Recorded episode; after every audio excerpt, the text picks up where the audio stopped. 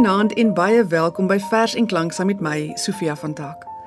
Vanaand se program is ter herdenking van Eugène Marais. Die digter is op 9 Januarie 1971 in Pretoria gebore. Om hierdie merkwaardige skrywer, politieke verslaggewer, natuurkundige en advokaat se hele lewe en loopbaan in een program te dek, is haas onmoontlik, maar ek wil graag in breë trekke vir jou 'n oorsig gee van wie Eugène Marais werklik was. By my in die ateljee is Wessel Pretorius. Hy gaan vanaand vir ons 'n paar van Marie se werke voorlees. Nou sy gedigte soos Winternag, Mabalel en Die dans van die reën is sekerlik van die bekendstes in Afrikaans.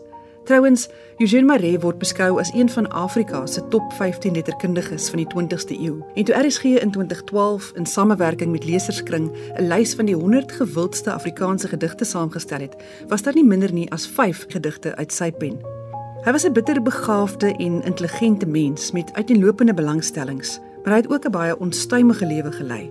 Marie se verslawing aan morfine was alom bekend en dit het gemaak dat hy by tye hoogs produktief was, maar ook vir lang periodes in 'n depressie sou verval. Die eerste gedig wat Wessel vir ons voorlees, is Winternag. As jongman was Maree die eienaar van 'n onafhanklike Pretoriaanse koerant genaamd Land en Volk, 'n spreekbuis waarin hy gereeld vir president Paul Kruger aangevat het. Verder het hy ook van sy eie prosa en poësie in Land en Volk gepubliseer. Winternag het op 23 Junie 1905 verskyn. Oor die gedig het Maree se boesemvriend, die koerantman Gustaf Preller, by geleentheid gesê: As daar slegs 10 reëls van al die poësie wat ons vandag in Afrikaans besit oor 100 jaar behou moet word, sal 10 reëls van die gedig Winternag daaronder wees. Winternag. O koud is die windjie en skraal en blink in die doflig en kaal. So wyd is die Heer se genade, lê die velde in sterlig en skade. En hoog in die rande, versprei in die brande, is die grassaad aan roere soos winkende hande. O treurig die wysie op die ooswind se maat, soos die lied van 'n meisie en haar liefde verlaat. In elk grashalm se vou blink 'n druppel van dou en vinnig verbleek dit tot ryp in die kou. Eugène Marais was lief daarvoor om onder skuilname te skryf. Hy het groot dele van sy lewe by een van sy broers, Charles, op Boshoff in die Vrystaat gewoon, van daardie skuilnaam Eugène OFS. Soms het hy ook geskryf onder die naam Niggie van AG Visser en 'n ander een was Klas Fakie. Hoe kan die pseudoniem waaronder Winternag verskyn het? Oor die mitiese karaktertjie het hy ook 'n gedig gehad. Glasvakie. Hy stoot die voordeur stadig oop en in die skadu sien ek hom. Sy swart manel is oopgeknoop, sy snaakse lyfie hoepel krom. Sy lang gesig is uitgedroog. Hy staan by my skaars skouerhoog. Sy oogies knip, sy lippe lag, sy lang bol hoed is in sy hand. Hy kom van buite uit die nag en bly net in die skadurand. Een kers brand stadig in die tuit. Die ander flikker heen en weer en langs my deur die onderheid daar loer die nag so swart as kruit. Die skadu's, kort en dik en bont, spring op die vloer soos lammers rond. Tantsani sit nog kouse stop. Haar naald blink nes 'n weerligstraal. Haar lyf is alles dof en vaal. Die kerslig skyn net op haar kop. Vlak voor my oë dans die dons en as Tansani met my praat, dan gaan dit net 'n brommer gons. Haar woorde is so nors en kwaad. Die donker kruip uit elke skeur. Dis alles de mekaar gevleg. Ek sien hom nou, dan is hy weg, die snaakse ouetjie by die deur. Die donker wikkel om hom heen. Dit gryp sy voet en dan sy been. En as my oë wye rek, dan staan 'n skadu in sy plek. Daar's hy weer, so skelm slim en voet vir voet bekruip hy my. Ek sien sy skadu hoër klim en tel sy knopies op 'n ry. Dis dan Sunny wat weer praat. Kyk Jannie, dit is baie laat en tyd vir kleintjies om te slaap. Wat sit jy nog te snork en gaap met reeds 'n kraakie in jou nek? Nou sny terkooi toe op die plek. Ek ken die stem, nou moet ek hoor. En as ek opstaan om te gaan, dan kom hy weer van daar vandaan en trap so siekies in my spoor. Nog 'n vers wat spesifiek vir kinders geskryf is, is hierdie een oor die spinnerak rokkie. 'n Fietjie het vir haar uit spinnerak 'n doek vergaar. 'n Rokkie wit soos heuning was, het sy toe aan mekaar gelas. Maar nouliks was dit om haar lyf, toe kom 'n windjie, vlug en styf, en met die uiting van sy sug, daar trek ons fietjie deur die lug. Haar maatjies staar haar treurig aan, hoe sy hoog oor die bome gaan, tot sy met heel haar rokkie fyn daar in die verte glad verdwyn. As jy 'n rokkie ooit besit van spinnerak of iets soos dit, pas op hoe jy jou dan verroer. 'n Windjie mag jou glad vervoer. En dan is daar nog 'n gediggie oor die einste fietjie met die spinnerak rokkie genaamd Die Naaistertjie.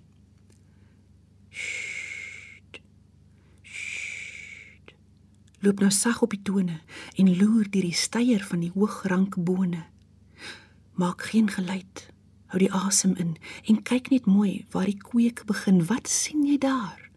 'n Vee so fyn dat die son haar lyfie met goud deurskyn. Sy het 'n blaar gepluk met die kleur van wyn en sy naai haar 'n rokkie met spinnerak fyn. Kom maar weg deur die takkies dik. Ons moet die ou kleintjie tog nie verskrik.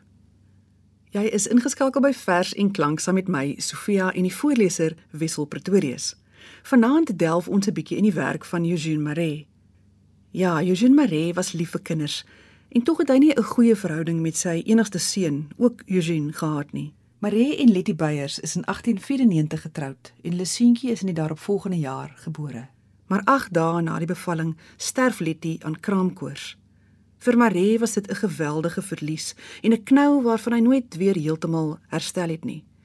Nie lank daarna nie is hy Engeland toe om in Londen regte te studeer en seker ook maar om te probeer om 'n nuwe begin te maak. Een van sy susters, Sophie Eckermann het die baba seentjie aangeneem en as haar eie grootgemaak. Hierdie groot wending in Marie se lewe stel hom bloot aan nuwe denkerigtinge en gebruike. Een daarvan is opium, wat in daardie dae 'n baie aanvaarbare ding in Londen was.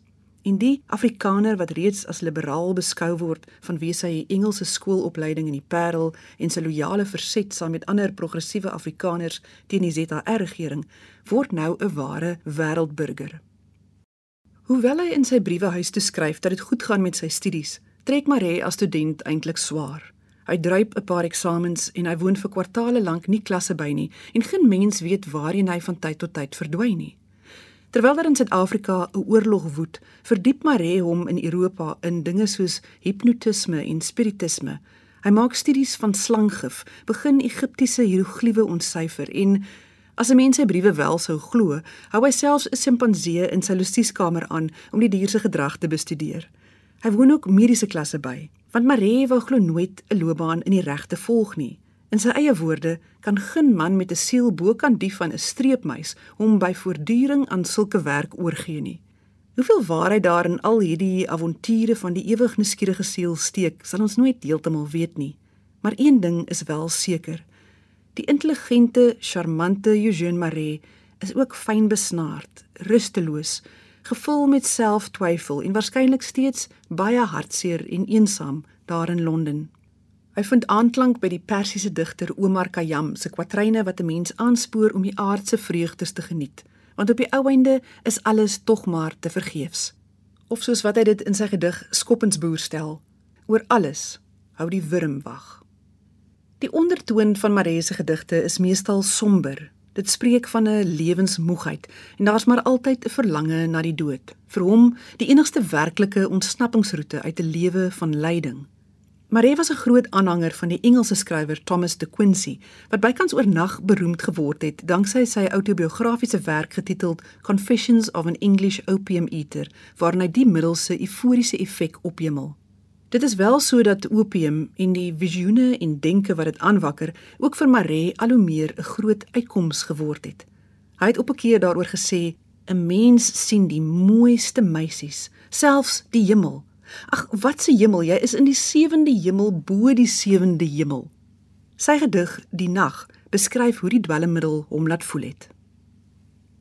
Stille moeder van erbarme, droomgevuld u sagte arme uit die donker oë gestraal heling vir die velste kwaal. Leniging van alle smarte balsem in verwonde harte. Soeter sagter o beminde dan van sneeu verkoelde winde op geskroeide lippe streelend raak u sagte hande helend. Diep vergetelheid u duurste gawe. Breek die kettinge van die slawe, was die bloedskuld van bevlekte harte, neem van snootste onreg al sy smarte. Ster gekroonde in die skrede bloei die leliekelk van vrede. In 1902 keer Eugene Marais terug na Suid-Afrika. Hy het uiteindelik sy regstudies in Londen voltooi en word in Pretoria as advokaat tot die balie toegelaat. Terselfdertyd is hy ook baie doenig by die koerant Land en Volk. Dis weer eens 'n nuwe begin vir Marais, maar weer eens 'n hoofstuk wat nie lank sou hou nie. Na skaars 3 jaar in Pretoria verkoop hy die koerant en kry koers, die keer Waterberge toe. Marais se reeds onkonvensionele lewensverhaal neem nou 'n baie interessante draai. Geen wonder dat daar al so baie oor die man geskryf is nie. Dink maar aan Leon Rousseau se biografie oor Marais, Die Groot Verlange, en Karel van der Merwe se ewe pyp boek oor hom, Die Donker Stroom. Dan is daar ook Kitinka Heinz en Chris Barnard se 2012 film Die Wonderwerker, spesifiek oor sy jare in die Waterberg. Daar was hy alles van 'n myndokter tot 'n regsadviseur en het ook navorsing oor die gedrag en gewoontes van termiete en bobbejane gedoen. Sy twee grootste werke, Die siel van die muur en Burgers van die berge, is hierop geskoei.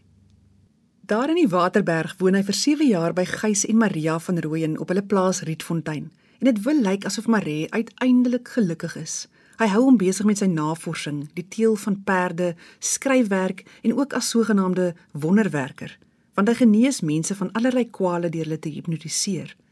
Maar intussen neem sy verslawing toe soveel so dat Maria van Rooyen naderhand sy dosisse monitor en toedien. In sy gedig Diep rivier kom die dwelmmiddel weer ter sprake, waar hy praat van die donker stroom in wie se omhelsing al sy smart eindig. Die versreëls: Ek sien van ver die glans van staal en goud. Ek hoor die sag gedruis van waters diep en koud. Ek hoor jou stem as fluistering in 'n droom verwys heel moontlik na die spuitnaald waarin die geelbruin morfienvloeistof opgetrek word telkens wanneer Maria hom kom inspuit. As distriksdokter ry Maree op 'n dag na die plaas Purekrans om 'n pasiënt te besoek.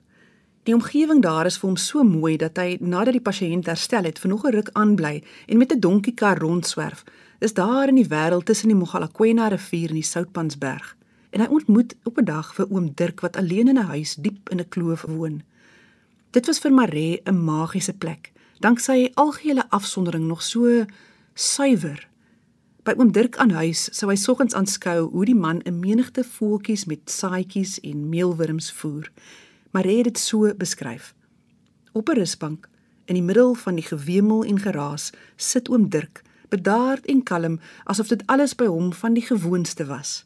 Sy hoed, sy skouers, sy skoot, tot sy velskoene was vol voeltjies in gedurende roering, vegtende om 'n sitplekkie.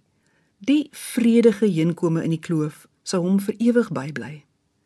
Maar in 1917 is Maree terug in Pretoria en werk weer as 'n advokaat. Heelwat van sy gedigte, kortverhale en ook 'n reeks artikels oor termietnavorsing verskyn in verskeie tydskrifte. Maar kort kort kry die verslawing maar weer die oorhand. In 'n stadium probeer die digter Dr. A.G. Visser om Maree van die morfine te speen, sonder sukses. Dit gaan al hoe slegter met Eugene Marais. Toe die Belgiese navorser Maurice Maeterlinck boonop Marais se wetenskaplike werk oor termiete onder sy eie naam in Frans publiseer, kom die wiele heeltemal af. Die eens charmante man is teen die tyd 'n verslonste swerwer. Wanneer die nood druk, koop hy morfine ten duurste aan by enige een wat bereid is om hom daarvan te voorsien. Gevolglik maak hy skuld en die gehalte van sy werk neem af. Dan is daar nogmaals 'n ingryping, 'n poging om die dwelm te laat staan, gevolg deur 'n opflikkering en telkens maar weer 'n insinking. Marie woon nou in agterkamers by vriende en gereeld by sy ou vriend Gustaf Preller en die se gesin in Arcadia. Die Prellers het ook 'n plaas by Pelendaba daar naby Broederstroom waar Marie soms in 'n rondavel 'n entjie van die hoofhuis af tuis gaan. Dit is dan ook hier waar Marie homself op 29 Maart 1936 met 'n halgeweer om die lewe bring maar in die weke voor sy selfdood was daar 'n groot hinkering om nog een keer by daardie huisie in die kloof daar in Pierekrans se kontry uit te kom. Het hy gedink dat die eenvoudige lewe tussen die voeltjies en die diere hom sou genees? Of wou hy maar net eerder daar die groot stilte ingaan? 'n Koppie in daardie omgewing het vroeër jare as Tebes bekend gestaan. In die volgende gedig verwys Maree na die bergspits en roep ook ander beelde op van die plekke en die plase in die Waterberg waar hy waarskynlik die gelukkigste jare van sy lewe deurgebring het. Daar sou ek vrede weer besef. Waar Tebes in die stil woestyn sy magtige rotswerk hoog verhef en Mara in die sand verdwyn. Waar smorens van die hoogste kraans die berg gaan draaiend opwaarts spoed om uit die gloeiende hemeltrans met groot geroep die son te groet. Waar treurig nog die wolf gehuil weer klankend in die klowe dwaal en grootwild om die syferkuil so skadu's in 'n stofwolk maal. En huiswaarts brommend sluip die dier sy donker moordplek pas verlaat wanneer die eerste grou lemuur met slepende mis die veld beslaat. O land van al ons liefde, daar sou ek aanbiddend weer die kloppe van die hart gewaar, u moederlike skoonheid eer. Sou ek enigsins nog hier verdien, nog een gebed omhoog verhoord. Geen mense praal sou ek wou sien, die glorie van geen vreemde oord. My bede sou net dit verkry. Laat weer u eensaamheid my daar verlaas met roerende mag berei u groter stilte te aanvaar. Laat uitlok daar geen seil of steen, 'n enkel sug of woord van haat. Met al u vrede om my heen, sal nagtliks uit die hemelstraat sag neerskyn op my laaste huis, die fonkelende sterbeeld van die kruis. Eugène Maree is dalk as 'n tragiese figuur, 'n brandarme man met 'n groot minderwaardigheid oorlede. Maar dit is nie waar vir ons om onthou nie. Sy skryfwerk is vir die Afrikaanse literatuur 'n groot skat. Self was hy egter maar altyd soekend na iets met blywende waarde. Ongelukkig kon hy dit nooit vind nie. Sonder betaling. Dis kleine dingetjies wat meeste vreugde bring. Van kindertjies wat speel, die bly gelag, 'n lewerik wat in die wolke sing, die sagge druis van druppels in die nag. Swart doringbome teen die weste gloed, die groen van wywende gras wat hoog die bult omsoom. Lang lelies in die gras, nes druppels bloed, die dof gemurmel van 'n waterstroom. 'n Sware werk goed afgedaan, 'n wandeling met 'n vriend wat ons bemin. Die eerste groen langs muur en laan, die gloed vanuit 'n liefdevolle huisgesin. Die blydskap uitgestort en vry, loop ons op eensaam weer raak. Dit kos alleen die soek om te verkry die dinge wat die lewe 'n vreugde maak. Dankie dat jy ingeskakel het. Van my en Wessel Pretorius. 'n Mooi aand vir jou.